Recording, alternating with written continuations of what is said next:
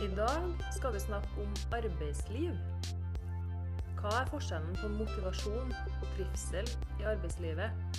Og hva er det arbeidsgivere som lykkes i å skape det her, egentlig gjør, sånn helt konkret? Hva er egentlig koblinga mellom arbeidsliv og fritid, og hvordan påvirker de her to hverandre?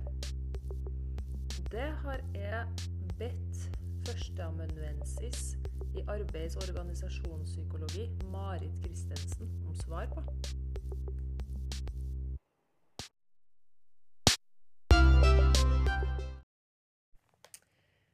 Marit Christensen, takk for at du hadde lyst til å være gjest her på podkasten Inspirert i dag. Eh, du jobber som forsker ved Institutt for psykologi på NTNU. Ja, det stemmer. Og forsker på noe som jeg syns er veldig spennende da, som HR-konsulent, eh, nemlig arbeid- og organisasjonspsykologi. Og Marit, arbeidsliv det er jo et tema som berører de aller, aller fleste av oss. Eh, og vi har jo et forhold til mange forskjellige ord innenfor dette temaet. Eh, psykososialt arbeidsmiljø, motivasjon, trivsel, arbeidsglede osv. Eh, kanskje du kan starte med å hjelpe meg litt med de begrepene, sånn at du vi forstår litt forskjellene? Det kan jeg gjøre. Det er jo veldig hyggelig å få lov til å, å komme og snakke om de her tingene. Det er jo ting vi er veldig opptatt av, som er veldig spennende å forske på, hvor det skjer veldig mye spennende for tida. Eh, spesielt under pandemien så har nok folk blitt ekstra oppmerksom på det her med det psykososiale arbeidsmiljøet og hvordan man skal beholde motivasjonen og engasjementet og trivselen.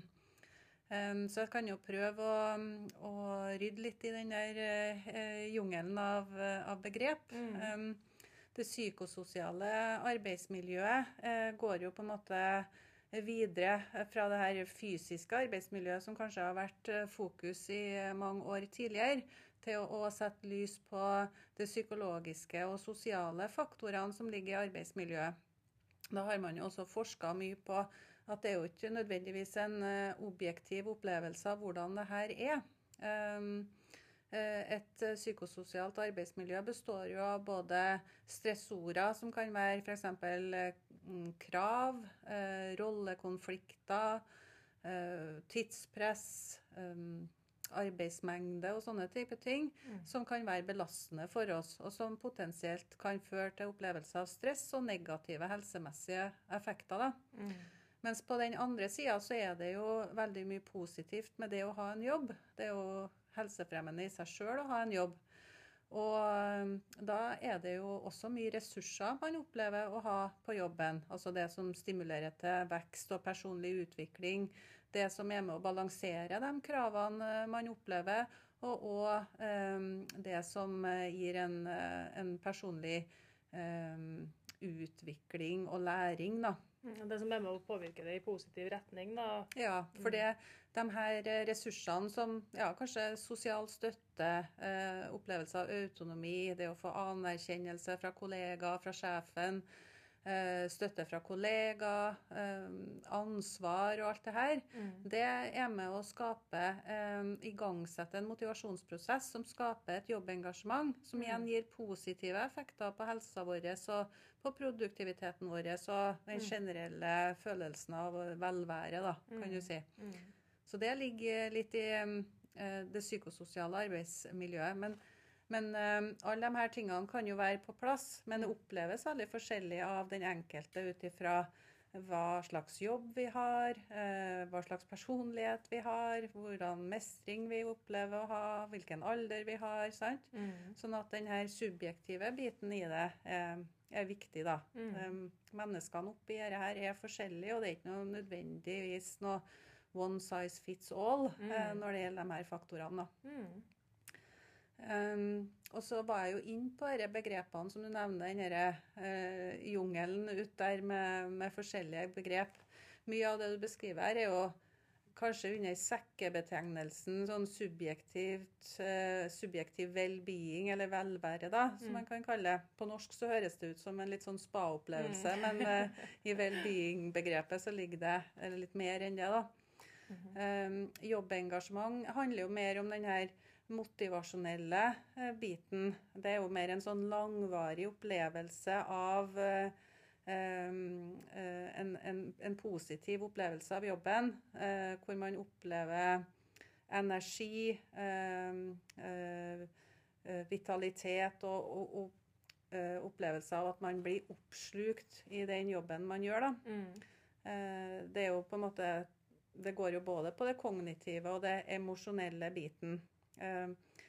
Men når du er engasjert, så Eh, er du gjerne litt aktiv, litt frempå. Mm. Eh, eh, du har det her engasjementet mot å gjøre en jobb. Mens så har du begrep som trivsel, mm. hvor man er mer avslappa, mer rolig. Hvor man er litt mer tilbakelent, da, men mm. likevel har det bra. Mm. Begge både trivsel og engasjement er veldig viktig i et godt psykososialt arbeidsmiljø. Mm. Den opplevelsen er viktig for helse mm. eh, og for produktivitet. Men så er det jo litt sånn når man skal tenke tiltak, da, eh, mm. så kan det være lurt å, å, tenke litt på forskjellen. Hva er det man vil oppnå? Hvis man vil oppnå Eh, at eh, produktiviteten skal øke, f.eks., mm. så kan det være lurt å fokusere mer på jobbengasjement. Forskninga viser at det er en sterkere sammenheng mellom eh, jobbengasjement og produktivitet enn det er mellom trivsel og produktivitet. Mm -hmm. Og litt av det går på at engasjementet er mer retta direkte mot arbeidsoppgavene, mens trivsel går litt mer på Eh, at man har det hyggelig sammen med kollegaene sine, at man får eh, fruktkurv, og at det er noen sosiale sammenkomster. Kanskje eh, lønningspils eller julebord eller sånn type ting som binder folk sammen, mm. men som ikke nødvendigvis er knytta til bare arbeidsoppgavene. Mm. Um, og, og, derfor, hvis man da forventer et høyere engasjement og at produktiviteten skal gå opp, men har tiltak som f.eks. fruktkurv og julebord, mm. så er det ikke sikkert at man oppnår den effekten man vil ha. Nei. Da må man se på andre typer tiltak som går mer direkte på, um, uh, på ting som vil forbedre uh, jobben. da. F.eks. Uh, um, teambuilding for å øke um, samarbeid rundt kreative prosesser. Um, mm. Det kan være arbeidstidsordninger på organisasjonsnivået. Det kan være at lederen må være mer til stede for å gi støtte og anerkjennelse. Mm. Litt sånne type ting som går mer direkte på selve jobben man skal utføre. Ja. Det her var jo Høres jo veldig komplisert ut, eh, egentlig. Um, og så sånn som ting er nå i dag, da, så hører man jo ofte det at det er mange som bytter jobb. Det har vært mye fokus på det etter det her med pandemien. Mange som har slutta på hjemmekontor. Um, hva vil du si er viktig for at folk skal bli værende i jobben sin? Mm. Jeg tenker jo på én side så kan det jo være et sunnhetstegn at folk skifter jobb. Um, jeg tror kanskje at noen har fått et uh, pusterom under pandemien og tenkte gjennom litt hva er det jeg vil med mm. videre karriere og, um, og jobblivet mitt. Og kanskje tenkte at uh, nå vil jeg benytte anledningen til å bevege meg i litt andre retninger. Mm. Uh, og det tenker jeg er et sunnhetstegn. Det er noe bra. Um, jeg, tror um, også at arbeidslivet har endra seg en god del når det gjelder det her. fordi at før så var jo på en måte gullstandarden uh, gullklokka. Altså ja. jobbe lengst mulig i samme bedrift. Mm. Men sånn er det ikke lenger. De som eh, strategisk bygger CV-er, skifter kanskje arbeidsplass hvert femte år for å på en måte bygge den perfekte CV. da. Mm. Så sånn sett så er det nok mye mer vanlig enn før å skifte jobb ganske ofte. Mm. Altså tror jeg det er litt bransjebestemt, egentlig. da. Ja. Jeg ser jo sånn Innenfor mitt eh, fagfelt, så hvis du går gjennom LinkedIn f.eks., så er det sjelden de er på samme plass noe mer enn tre til fem år. Mm. Uh, mens hvis du ser ja, mange andre sektorer, så er det vanlig å være kjempelenge. Mm. Er det noe som er noe bedre eller dårligere av den grunn? Nei, jeg tenker at um, altså, Jeg kjenner jo igjen det, for innenfor universitets- og høyskolesektoren så er det jo ikke så mange andre muligheter hvis du vil holde på med forskning. Mm. Så da, da, da, ser du jo at uh, folk i mye større grad blir på arbeidsplassen. Mm. Men kanskje utfordringene uh, nå um, uh, som man skal være litt obs på når det gjelder det her med at folk eh, skifter jobb, det er jo at eh, når man har sittet eh, med Altså Man har jo hatt ulike typer utfordringer i ulike jobber. Mm. De som har eh, på en måte vært i frontlinja, har jo opplevd eh, mye stress i mange tilfeller. Hvis du tenker på sykepleiere og lærere. De eh, har vært nære smitte, de har hatt stor arbeidsmengde og stadige plutselige endringer i løpet av arbeidsdagen. Mm. Eh, mens eh, en- en god del har også sittet på hjemmekontor, fjernarbeid, bort fra kollegaene sine, bort fra lederen sin. eh, Og dermed mista mye av de psykososiale ressursene som vi snakka om tidligere. Mm. For det er vanskeligere å bygge et godt psykososialt arbeidsmiljø og gode relasjoner når man sitter eh, og jobber hjemmefra. Mm. Og um, kollegaer betyr ofte mye. Det som skjer på arbeidsplassen, den motivasjonen og det engasjementet du får når du jobber sammen med kollegaene dine, når du får de her kreative prosessene og det her uformelle også som skjer, det, det betyr mye. Mm. Så var vi jo litt uforberedt på det, og det er ikke sikkert at alle arbeidsplassene heller var eh, jobba veldig aktivt med å skape et psykososialt arbeidsmiljø som var tilpassa fjernarbeid heller. Mm. Så eh, det kan nok være en årsak til at eh, mange mista motivasjonen litt og hadde lyst til å prøve, prøve nye beiter. da. Mm. Jeg har jo hørt og lest det at um, i denne hjemmekontorperioden som vi har hatt, da, så har produktiviteten gått opp. Um, men uh, i og med at det er så mange som bytter jobb, så er det jo en eller annen mismatch her. Hva tenker du om det? Mm. Ja, Um, jeg tenker jo at vi har jo fått um, det, det er jo både positive og negative ting med denne hjemmekontorperioden som vi har vært gjennom. For vi har jo rydda bort en del unødvendig tid som vi bruker f.eks. til reise til og fra arbeidsplassen. Vi eh, har kanskje også eh, rydda bort en del av de her uformelle samtalene som du har i løpet av en dag, en lunsjpause som trekker ut i tid og litt sånt. Eh, som gjør at eh, folk får konsentrert seg og, eh, og gjort jobben raskere eller mer grundig, eller eh, få- fått fordypa seg hvis man, man trenger det. da. Mm. Men eh, samtidig eh, så tenker jeg at det, det vi ser nå, det er en korttidseffekt. Mm. Eh, Jeg tror vi skal følge nøye med på hva som skjer over tid. Klarer man å opprettholde den produktiviteten over tid?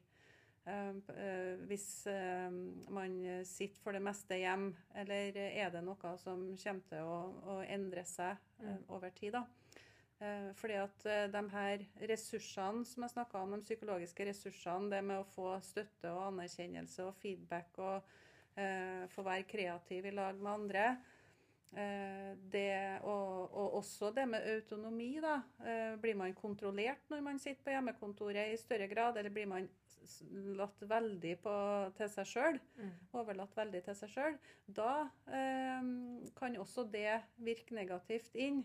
Og over eh, tid så vil det her virke belastende, Mm. og dermed kunne påvirke eh, engasjementet og produktiviteten. da Mm. motivasjon for å, for å stå på i jobben sin hvis man ikke får noen ressurser igjen for det. Mm. Mm. Ja, veldig spennende tema. Um, vi snakka jo litt om det her med hva som Altså de, alle de begrepene og, og liksom inndeling av dem. Og så forstår jeg på det at uh, det er veldig sånn forskjellig fra person til person da, hva det er som uh, trigges, skulle jeg nesten å si.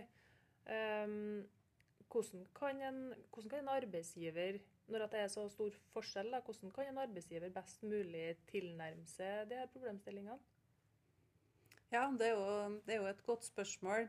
Jeg tenker jo at eh, Vi ser jo noen indikasjoner på hvilke eh, sånne, sånne ressurser som er viktige for folk. Altså det her med den autonomien og ha frihet til å ta egne valg og styre litt av arbeidsdagen litt sin sjøl. Det, det, eh, det er jo viktig for alle. Det å få sosial støtte fra leder og kollega betyr også mye for alle. Mm. Eh, anerkjennelse er viktig. Det å få ansvar, tillit, rettferdige prosesser. Dette er jo um, eh, viktige ting som man bør jobbe for å bygge opp på en arbeidsplass. Men når det kommer til um, hva er det som er viktig for den enkelte, så har jeg jo eh, lyst til å slå et slag for de her medvirkningsprosessene. Mm. Spør de ansatte sjøl hva er det de trenger. Mm. Vi har jo noen begrep som er relatert til denne forskninga på jobbengasjement som eh, vi kaller for jobcrafting, altså Mm. jobbforming. -hmm. Der eh, er det jo sånn at eh, man har tiltak hvor man, de ansatte sjøl får lov til å si noe om hva slags oppgaver er det jeg syns er mest spennende å jobbe med. Hva vil jeg jobbe mer med? Mm -hmm. hva, hva, hvem er det jeg vil jobbe med? Eh, hvordan vil jeg strukturere dagen min? At man får mer ansvar for sin egen motivasjon på Mm. den måten, da. Så det kan jo være eh, en sånn litt bottom up-løsning for å finne ut hva den enkelte ansatte trenger, annet. Mm. Men at det er noen enkle løsninger på å finne ut hvordan det her er, det er det nok ikke. Jeg, jeg tenker at det er prosesser som går over lang tid, hvor man blir kjent og prøver å finne ut hva eh, eh, arbeidsgruppa har behov for. Da. Mm. Ja. Um, hva tenker du at eh, ledere som er skikkelig gode på dette her, hva, hva er det de gjør for noen ting? Mm. Ja, det er jo også eh, et sånt eh, em, eh, gullspørsmål, tenker jeg, eh, som eh, ikke er noe lett å gi noe enkelt svar på. Men Mm. jeg tror at man har innsett at det er hard jobbing over lang, lang tid som som er en suksessfaktor. Det er ikke noe lettvint løsning på vei inn dit. Mm. Jeg tenker at eh, eh, en god leder uh, som setter arbeidsmiljø på agendaen, Mm. er viktig. At man på en måte får arbeidsmiljø inn i alt man gjør, på et vis. Eh, Ikke at det er noe som kommer hver, hvert andre år, eh, som man jobber litt med, og så er man ferdig med det. Men at eh, man tenker arbeidsmiljø inn i alle deler av jobbhverdagen. da. F.eks. Eh, når man eh, driver på med onboarding, så Mm. tenker man eh, hvordan skal jeg best mulig få denne personen inn i arbeidsmiljøet vårt? Hvordan vil man passe? Mm. Når man rekrutterer, også tenk på arbeidsmiljøet. Hvordan vil man passe inn? Hvordan vil man bidra til det psykososiale og, og arbeidsmiljøet i sin helhet? Mm. Um, også når man eh, tenker tiltak og at eh, det er noe som man følger opp, at det går over tid. Mm. Um, at man evaluerer hva, hva er det som fungerer, hva fungerer ikke. Hvem er det det fungerer for, og under hvilke forhold fungerer det, hvorfor fungerer det. Mm. Og prøve å hele veien tilpasse. Så jeg tror det er noe man um, setter på agendaen og, og har med seg hele veien. Mm. Det tror jeg er en viktig suksessfaktor. Men jeg tror òg at det er hardt arbeid, og det er krevende for en leder som òg har mange andre baller i lufta. Mm. Ja, det tror jeg òg. Og så nevnte du det med rekruttering. Da. Det tror jeg òg er litt viktig. Da, at man selger, selger jobben for det det faktisk er, da, og at man ikke overselger. For da kan jo den ansatte bli ja, feilaktige forventninger når han eh, kommer inn i jobben. Da. Mm. Forventningsavklaring og eh, hva, hva slags muligheter har jeg for utvikling og læring i jobben min? Hvordan, eh, hvordan kan man til, legge til rette for, og hva må jeg bidra med? Mm. For jeg tenker jo at eh, det med medarbeiderskap er viktig. En Mm. leder kan gjøre så mye, men man er jo også nødt til å ha med seg medarbeiderne på det. Mm. Og så skal man gjennom en endringsprosess, eh, f.eks., så må de ansatte være moden for den endringa. Mm. De må være med å bidra til at det blir en eh, god prosess, og være med på medvirkningsprosessene og bidra med innspill. Ellers så har ikke lederen mulighet til å få til gode prosesser. Så det er jo en sånn gjensidighet i det, tenker jeg. Mm. Men da handler det jo om kommunikasjon eh, og det med å eh, klare å formidle en felles visjon for det man vil, da. Mm. Mm. Dere med forholdet mellom jobb og fritid, da, Marit. Eh, hvordan påvirker det totalbildet? Mm. Ja, det tror jeg er et veldig viktig poeng. For vi eksisterer jo ikke bare på jobben. Og um, denne uh, opplevelsen av totalbelastninga handler jo om eh, også det som skjer på hjemmebane. Mm. Um, nå er vi jo uh, både menn og kvinner ute i arbeid med uh, barn og ei godt fylt fritid. Mm. Um, og skjer det noe på hjemmebane, så kan totalbelastninga bli veldig, veldig stor for mange. Mm. Jeg tenker jo at uh, ofte så fokuserer man jo på konfliktperspektivet. Ja. men det er jo også et sånt fasiliteringsaspekt inni dette her. altså Eh, det å ha en jobb er jo noe positivt også, som du tar med deg hjem. Eh, mm. Hvis du har et engasjement på jobben og lærer nye ting på jobben, så er jo det en eh, positiv ting du tar med deg inn i familien. Eh, eh og er en rollemodell for der også. Mm. Um, mens men så er det klart, hvis det blir veldig mye arbeidspress på, på jobben, det kan være konflikter eller mangel på støtte og at man ikke får til arbeidsoppgavene sine, da kan jo det eh, også føre til at eh, man blir en litt mer eh, problematisk person å ha med å gjøre på, på eh, familiesida eller fritidssida òg. Mm. Da har man ikke nødvendigvis overskudd. Mm. Og det er jo faktisk en av de tingene som er med jobbengasjement. Vi har eh, gjort en studie på det og funnet at eh, eh, jobbengasjement eh, kan være Altså det er positivt for det meste. Mm. For helsa vår og produktiviteten vår og tilfredsheten vår og i hele tatt. Mm. Men når det gjelder arbeid-familiebalansen, så kan det føre også til en konflikt. Da er det spesielt den derre um, oppslukthetsbiten. Altså Ja. Hvis du er så inni det du holder på med, Mm. at du ikke klarer å fokusere og bruke for mye tid på arbeid, og det går utover um, hjemmesituasjonen. da. Mm. Uh, og det med at uh, arbeidsoppgavene og det spennende som skjer på jobben, kanskje går og kverner i hodet, som gjør at du har ikke riktig fokus når, uh, når du er hjemme. da. Mm. Så det kan potensielt være en sånn, et fare, faresignal, tenker jeg. Ja, hvordan da eh, tenker du at eh, For det er jo det, at det oppleves som positivt fordi at du er så engasjert i det du holder med på jobb, og du, du syns det er veldig spennende og alt det der. Mm. Eh, men så klarer du ikke å koble av og slå av knappen, liksom. Ja, jeg Mm. tror man skal være, være litt obs på det. Det ene er jo tida man bruker, sant. Mm. At man er på jobb for lenge Mm. og jobber mye overtid. Men eh, det kan jo også være det med det mentale, at du ikke er ordentlig til stede og Mm. egentlig går og, og tenker på jobben når du skal være til stede for familien eller Mm. for venner eller Ja, ja. det tror jeg er mange som kjenner seg igjen i. Og det ene er jo den oppsida med at det er fordi at eh, man opplever det man på med som positivt og er veldig engasjert, men så kan det jo òg være fordi at det rett og slett er for mye å gjøre, eh, for stort press.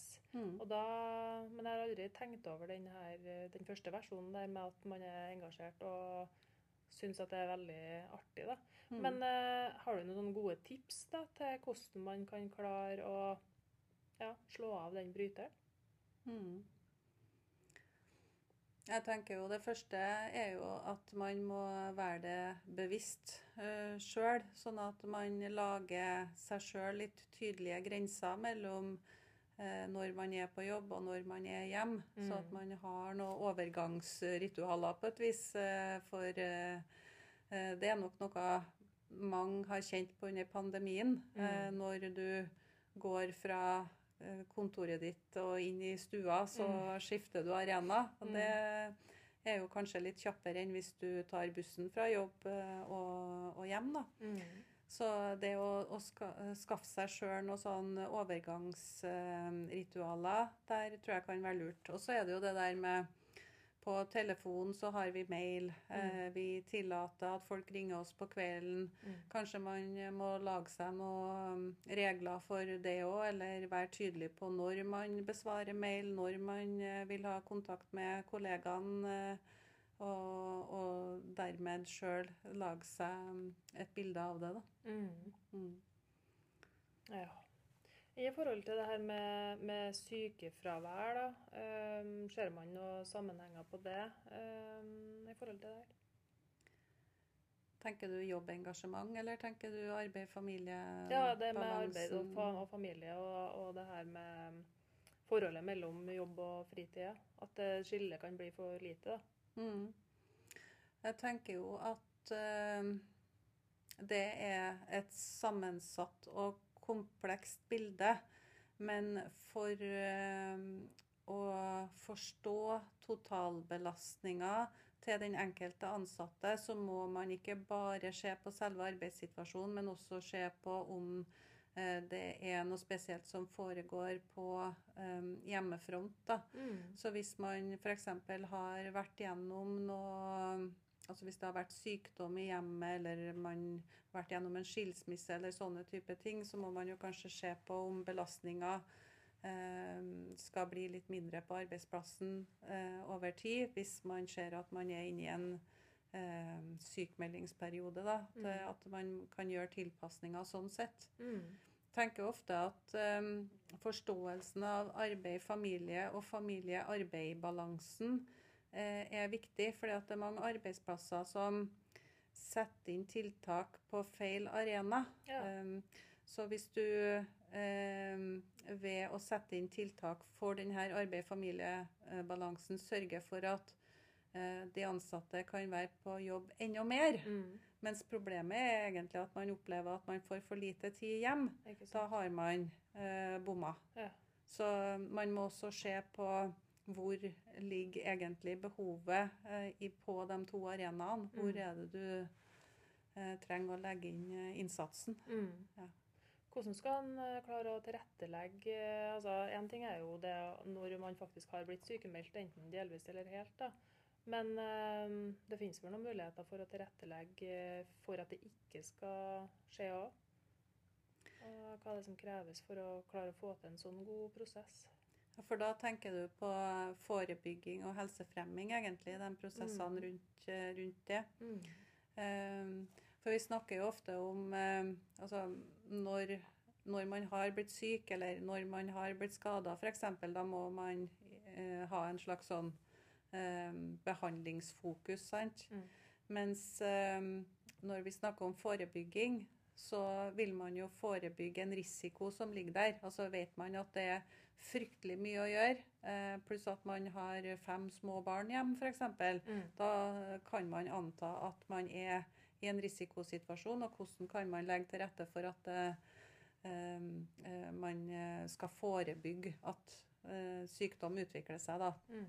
Og så har du på en måte helsefremmingsperspektivet, som egentlig ikke tar utgangspunkt i at det er et problem, men heller prøver å bygge opp de her ressursene som man vet er viktig for å skape god helse og helsefremming Mm. på, på arbeidsplassen.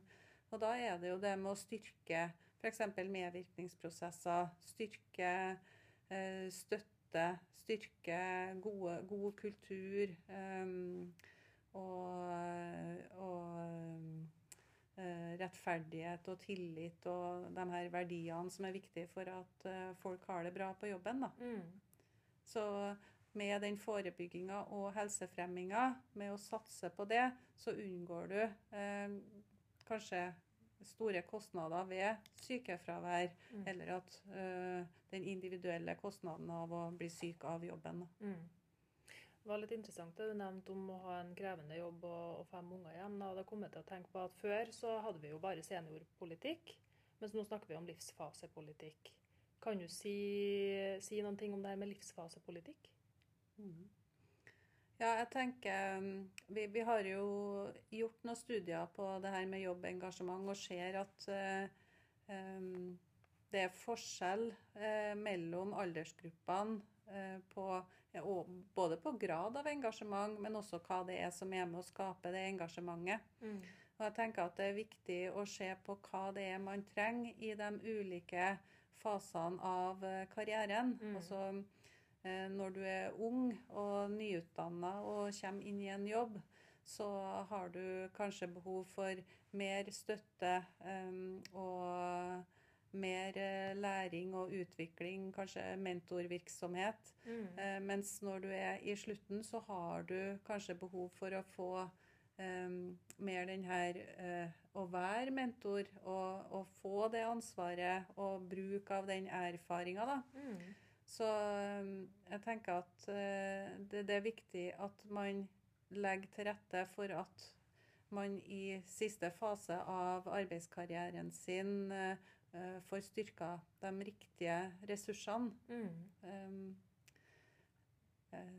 ja, jeg hadde et poeng der.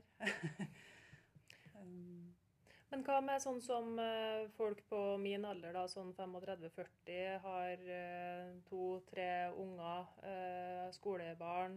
Det er jo en veldig hektisk periode i livet, det er jo ikke noe hemmelighet. Hva, hvis du skal si noen sånn konkrete tiltak som kan være fint for en sånn fase i livet? da? Ja, altså um, Jeg tenker jo at som forsker så, så, vil jeg igjen peke på at det, det, er jo et komplekst bilde. Og det er jo den enkelte som uh, vet hva man har behov for. Mm.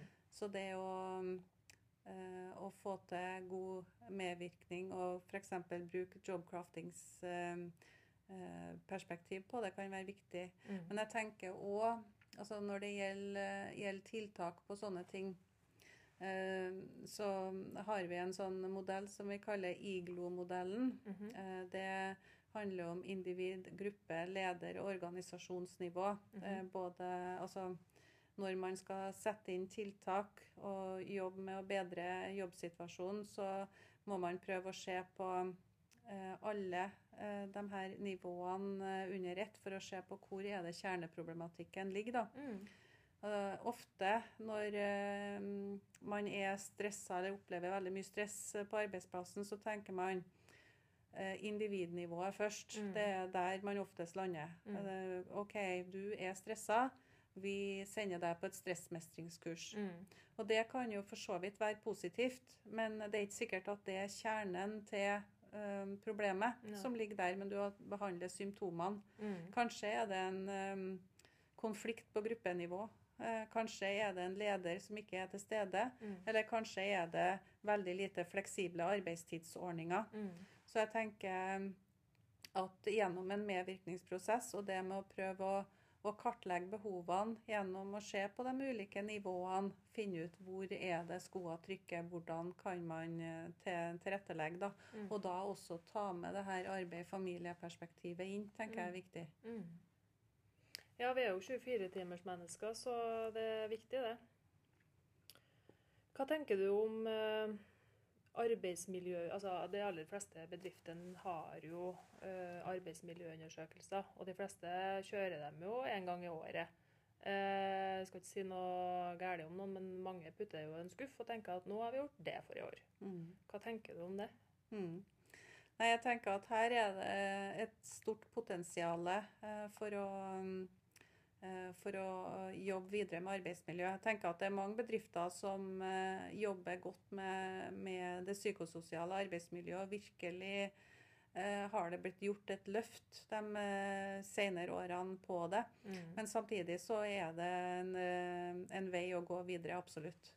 Jeg kjenner jo igjen det der med mm, at jobbing med arbeidsmiljø blir på en måte det her fokuset på kartlegging. Mm.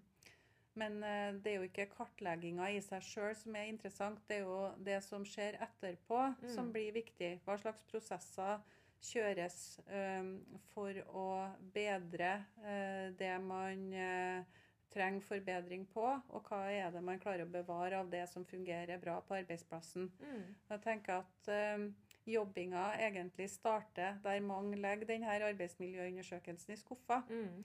Og grunnen til det, det er at dette her er vanskelig og litt sånn abstrakt arbeid. Mm. Fordi at uh, i de her spørreskjemaene da, så spør man jo om um, anerkjennelse og støtte og autonomi. og mm. Så kan jo hende at folk uh, svarer at nei, vi opplever ikke noe mye autonomi på denne arbeidsplassen. Mm. Hva gjør man da med det? Mm. Og så kommer folk inn og sier vi, fruktkurv hver dag. Mm. Det er en fin ting. Mm. Ny kaffemaskin trenger vi. Men det svarer ikke ut problematikken rundt at du ikke opplever at du har nok autonomi. Mm. Så det med å finne konkrete tiltak som faktisk treffer, ja. det er viktig. Og så tenker jeg òg at um, de her spredte tiltakene som kanskje kommer inn av sånne type prosesser, blir veldig sjelden evaluert. Mm. Og så er jo spørsmålet også hvordan evaluerer man og sånt. Ja. Fordi at eh, jeg vil slå et slag for det her med prosessevaluering. Mm. Eh, hvordan, eh, hvordan presenterer man og motiverer for å jobbe med arbeidsmiljø? Har Mm. man en felles visjon, eh, både ledere og medarbeidere, for hva man vil ha ut av det? Har man planlagt hvordan man skal gjøre det? Mm. Hvem er ansvarlig? Mm. Har man tydelige handlingsplaner? Hvem gjør hva? Um, kommunisere det rundt resultatene av de tiltakene man setter inn. Får folk vite hvordan det går? Eh, gjør man endringer um, hvis eh, ting ikke blir sånn som man eh, tenker at det skulle bli? eh, skifte til et annet tiltak, eller stoppe, eller eh, går en annen vei? Mm.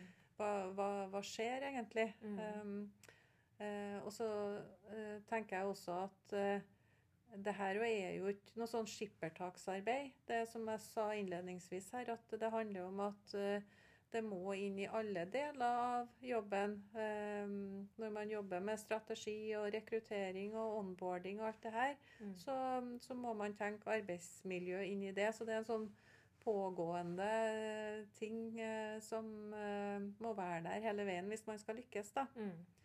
Og kanskje så er det sånn at det her store spørreskjemaene som mange bedrifter har, ødelegger litt for det. Fordi at det oppleves som et styringsverktøy uten at det er en klar strategi rundt hvordan man skal bruke det etterpå. Mm. Og hvordan man har forberedt det, ikke minst. Ja, hva tenker du om det? Jeg tenker at den forberedelsesfasen er kanskje noe av det viktigste man gjør. da. Mm. Er folk moden for å være med på dette? Har de forstått hvorfor vi kartlegger og hva vi har tenkt å gjøre etterpå? Mm. Um, har man på en måte eh, lagt til rette for gode medvirkningsprosesser? Har Mm. man funnet ut hvordan altså Har man f.eks. lederstøtte? Det kan jo være vanskelig å stå som leder oppi det her hvis det er problematiske resultat. Mm. Så um, tenker jeg at eh, lykkes man med å få til modenhet for endring, god kommunikasjon og eh, i, i, I startfasen så har man gjort ganske mye, Mm. egentlig. Ja. Men holder det å gjøre det en gang, altså å kartlegge det der en gang i året, tenker du? Ja, jeg tenker at det er flere måter å gjøre det på. Jeg tror jo òg at eh, det kunne vært eh, en idé å heller Eller i tillegg, eller heller eh, ha eh, mindre minievalueringer underveis for å se på ulike ting som man har lyst til å, til å følge opp. da. Mm. For da, eh, da blir det ikke så langt unna i tid når man faktisk eh, jobber med det. Mm. For at eh, vi er jo ikke Organisasjoner er jo ikke statiske. Ja. Sånn at plutselig så skjer det noe som snur opp ned på hele greia. Det kan jo være skifte av leder, det kan være eh, eh, fusjoner, eh, pandemi, Mm. eh, som eh, gjør at ting ser helt annerledes ut enn da kartlegginga ble gjort. Ikke sant? Ja. Pulsmålinger har jeg hørt at eh, de kaller det, og det har jo blitt litt i vinden. Mm. At Mm. man kanskje sender ut eh, målinger eller kartlegginger ja, helt ned til et par spørsmål i uka. Mm. Det syns jeg høres veldig spennende ut. da. Ja, det, det, det er en spennende, men jeg tror også samme utfordringa der òg, da. Blir at man må ha en klar strategi for hvordan man skal bruke det, og hva, det skal, hva som skal komme ut av det. Um, uavhengig av hvilken måling man velger å ha, da, så tror jeg at den daglig, daglige jobbinga med arbeidsmiljø er det som, som fungerer. Men Mm. så må man ha noen temperaturmålinger underveis for å, for å se hvordan det ligger an. da. Se hvor man er på veien. Mm. Mm. Og få noen pekepinner på hvor man skal sette inn tiltak eventuelt. da. Mm. Ja. Eh, Marit, tidligere så snakka man jo om det her med at nå er vi inne i en endringsprosess, og at det var kanskje noe som skjedde litt sjelden.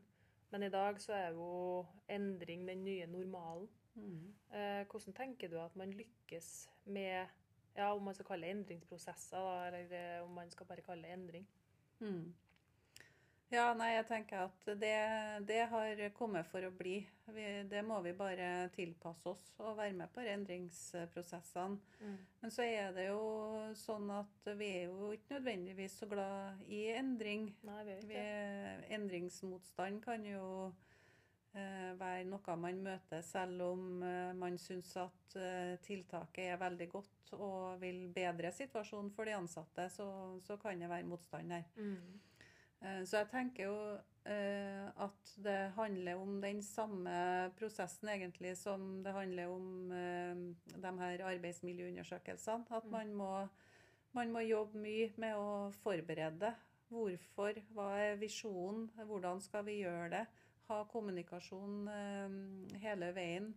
Eh, Skaff nok eh, ressurser og tid til å få jobba godt med, med prosessene. Mm. Finne ut hva den enkelte trenger eh, underveis i prosessen, og jobbe godt med implementeringer og medvirkningsprosesser, tenker jeg er viktig. Og så igjen, denne prosessevalueringa vil hjelpe til å finne ut hvor, hvor problematikken rundt implementering faktisk ligger. da. Var det ikke gjort godt nok arbeid i forberedelsesfasen f.eks., Mm. så må man kanskje tilbake dit og Mm. jobbe med kommunikasjon for visjoner og hvordan man skal jobbe, og resultatformidling og sånn type ting. da. Mm.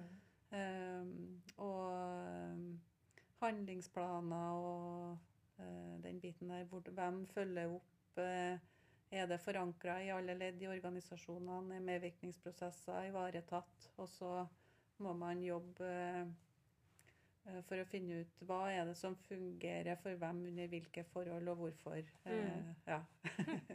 Det er jo et eget fag. ja, absolutt. Mm. Mm. Spennende. Um, hva tenker du om det her med livslang læring, eller det her med at det er så viktig at man får lære noen ting under hele si ansettelsesperioden? da? Ja, jeg tenker at eh, det er viktig uh, Altså, det kommer jo litt an på type jobb. Mm. eh, hvor mye man legger i akkurat det der.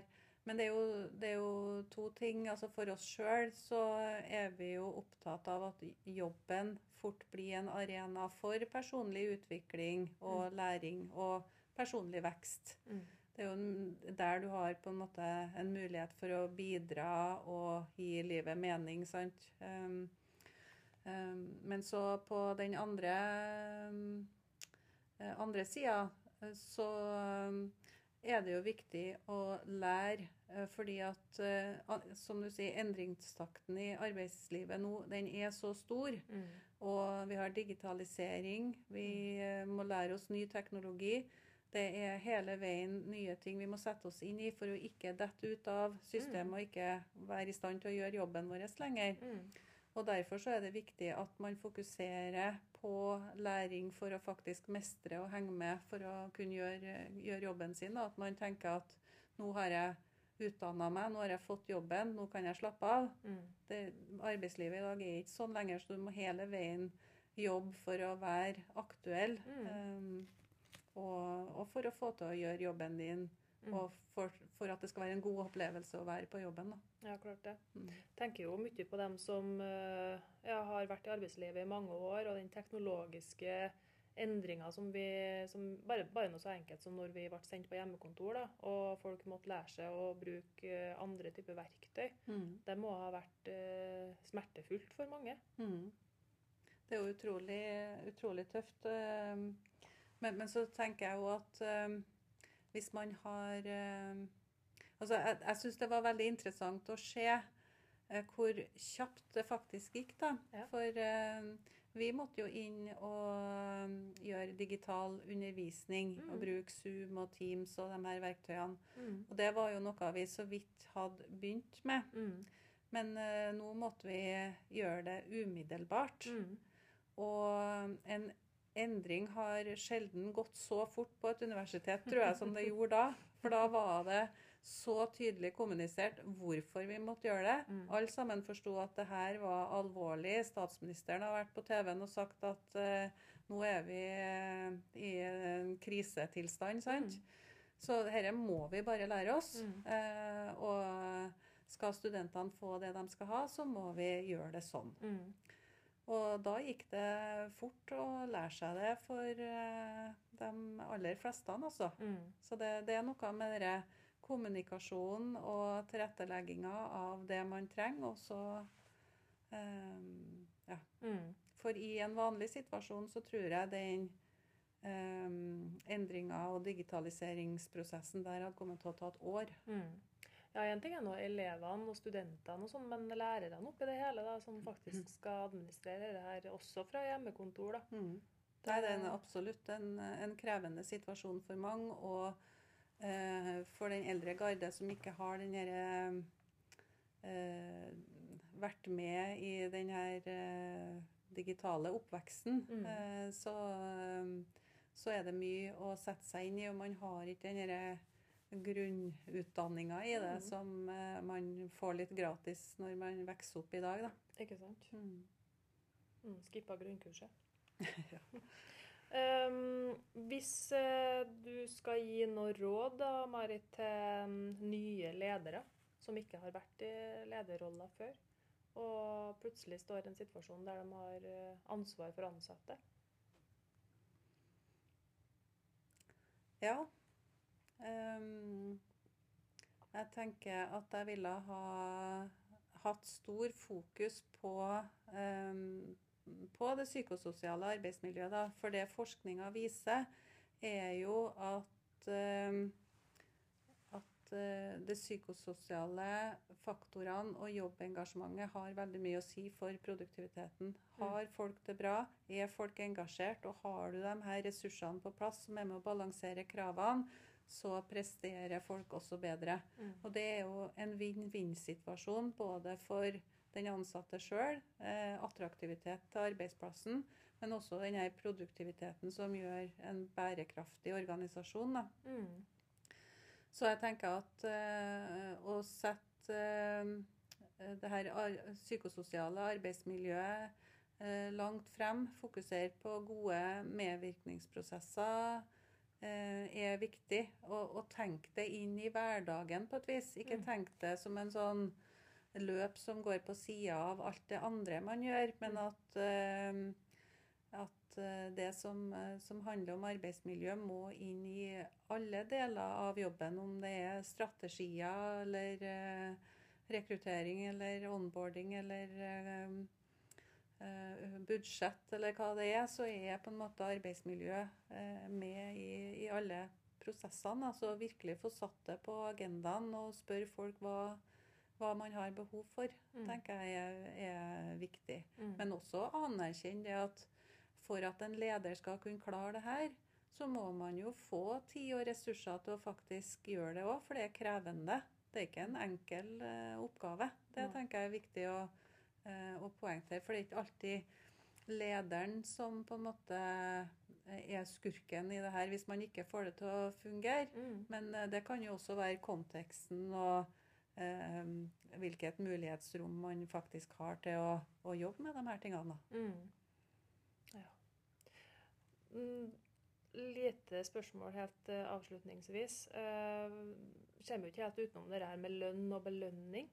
Eh, og det finnes jo veldig mange modeller for det her i dag. Eh, hva tenker du om eh, bonusordninger, akkorder og den type ting for å stimulere til ja, motivasjon og jobbengasjement, arbeidsglede?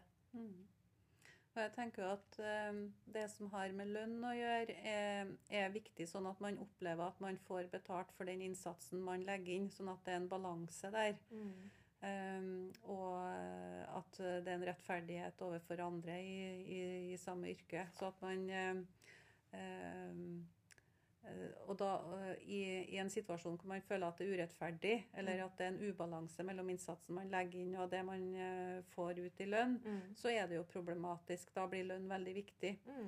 Men hvis man på en måte er på et greit nivå, så er eh, psykososiale faktorer ser ut til å bli er, eh, å være viktigere, da, Mm. eh, med tanke på å skape engasjement og sånne ting. Mm. Men det går jo litt på det her med at øh, øh, de her bonusordningene og den biten der, det blir en ekstern øh, motivasjon, mens de her mer psykososiale faktorene blir mer en indre motivasjon for å ønske å lære, og det her med personlig vekst og den biten her, sant?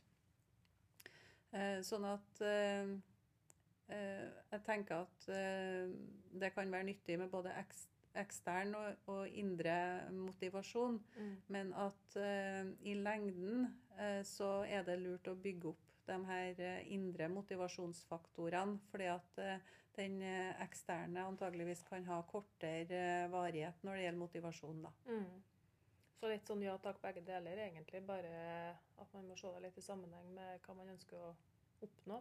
Ja, og, um, og jeg tenker at det, det er viktig også å se på eh, de indre motivasjonsfaktorene da, Mm. for, å, for å holde på engasjementet over tid. Mm. Mm. Spennende. Da tror jeg vi sier takk til deg, Marit, for at du ønska å være med oss. Ja, takk for spennende diskusjon. We'll be right.